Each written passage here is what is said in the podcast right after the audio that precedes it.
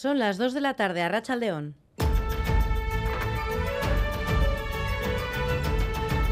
Crónica de Euskadi con Irache Martínez.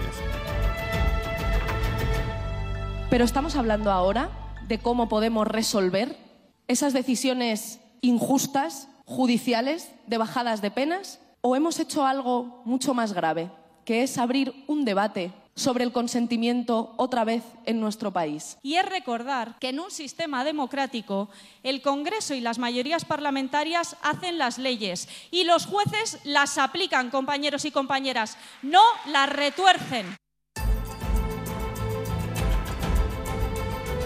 Palabras de las ministras de Unidas Podemos, Irene Montero y Yone Belarra, en un acto de Podemos en apoyo a la ley del solo sí es sí, en el que cargan de nuevo contra los jueces, aunque reiteran su disposición a reformar la ley si así se consigue una respuesta unitaria de gobierno. Por el momento, eso sí, no ha habido acuerdo con el PSOE para sacar adelante esa modificación. Retan además a quienes dicen que la ley tiene un agujero a presentar propuestas para taparlo sin que eso suponga volver al modelo anterior. Por otro lado, entrevistada aquí en Crónica de Euskadi fin de semana, la secretaria general de Comisiones Obreras Euskadi, Loli García, ha reclamado una reforma fiscal integral ya que la pandemia ha puesto en evidencia a su juicio las costuras de los servicios públicos y ha puesto en valor a su vez los propios servicios. Considera que quien más tiene más debe pagar y apunta a la eliminación de deducciones fiscales a las empresas más grandes para tener unos potentes servicios públicos, los que tenemos, mejorarlos y tener más, es necesario que haya impuestos. Y es necesario romper con esta dinámica de mensaje pseudo populista de bajada de impuestos que lo único que beneficia es a los que más tienen. Nos parece adecuado que haya una reforma fiscal, lo venimos reclamando, que aquellos que más tienen más paguen, cosa que no ocurre en el sistema actual. Además, este domingo nos deja varios sucesos. Nerea Inchausti comenzamos en Iruña, donde un varón de mediana edad ha sido hallado muerto en el río Arga tras sufrir una caída. Sí, en Pamplona un hombre ha sido localizado muerto en el río Arga con un golpe en la cabeza que parece ser accidental, según informa la Policía Nacional. El hombre de mediana edad no llevaba consigo documentación, por lo que la policía trata de conocer cuál es su identidad. Y en Durango, otro varón ha muerto después de precipitarse a las vías del tren. Un hombre de 54 años ha fallecido esta madrugada al caer del andén y golpearse con las vías del tren en la estación de Euskotren en Durango. El suceso ha tenido lugar poco antes de las 4 de la madrugada y aparentemente se trata de un accidente según el Departamento de Seguridad. El accidente se ha provocado, ha provocado que el servicio de trenes en la línea 1 de Euskotren Bilbao-San Sebastián haya estado interrumpido, pero se ha establecido sobre las 7 de la mañana. Además, en Gasteiz, un joven ha sido detenido tras apuñalar a cuatro personas en una discoteca de la calle Florida. Uno de los cuatro heridos está grave.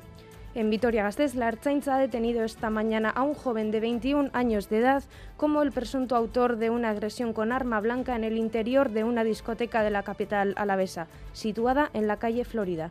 El sospechoso ha herido a tres hombres y a una mujer después de mantener una fuerte discusión con ellos. Una de las víctimas se encuentra en estado grave tras sufrir varias puñaladas en diversas partes del cuerpo, la más crítica en el abdomen. Ha tenido que ser evacuada al hospital de Chagorrichu. El presunto agresor ha, sido detenido poco después de huir del local. Se encuentra en dependencias policiales acusado en delito de homicidio y lesiones. Escuchamos a algunos vecinos y vecinas opinar sobre la zona donde ha ocurrido la agresión pero sí que es un poco alborotada la discoteca. Peleas en la calle, peleas, bueno, no sé, puñetazos, navajazos, no lo sé. He visto regueros de sangre en esta calle muchísimas veces. Estoy viviendo 30 años y en 30 años esto es habitualmente. Es bien conocida y bien sabida por todo el mundo, que es una zona muy conflictiva. Es la inseguridad que te crea Vamos ya con los deportes. John Zubieta, Rachaldeón. Hola, Rachaldeón. Comenzamos con un dato de última hora porque en fútbol femenino la Real Sociedad ha empatado a dos ante el Madrid Club de Fútbol y el Eibar se ha impuesto al Deportivo Banca por 1-0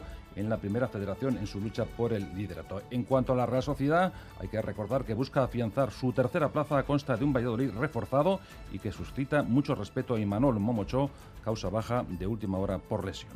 En cuanto al baloncesto, hay que recordar que ayer perdió el Bilbao Basket y el Vasconia se mide al Zaragoza en el Buesa Arena y en pelota el Oro de Zabaleta se aseguraron ayer su paso a las semifinales de Manista y además esta tarde en el Astelena de Eibar se va a acoger un apasionante Lasso Imaz frente a Altuna y Tolosa. Y en cuanto al Cross de Ulia, ha supuesto el triunfo de Ilias Fipa en hombres y de Mayuf en mujeres. A esta hora tenemos 11 grados en Bilbao, 10 en Donostia y Bayona, 7 en Vitoria-Gasteiz y 9 en Iruña. Vamos con el pronóstico del tiempo. Euskalmete, Gusquiña y Turrioz, Arrachaldeón. A Rachaldeón durante la tarde podría disminuir ligeramente la nubosidad con apertura de algunos claros, pero será cuestión de poco tiempo porque las nubes volverán a predominar en el cielo. El viento del norte y del nordeste se intensificará por la tarde y seguiremos con temperaturas invernales, con máximas en general por debajo de los 10 grados.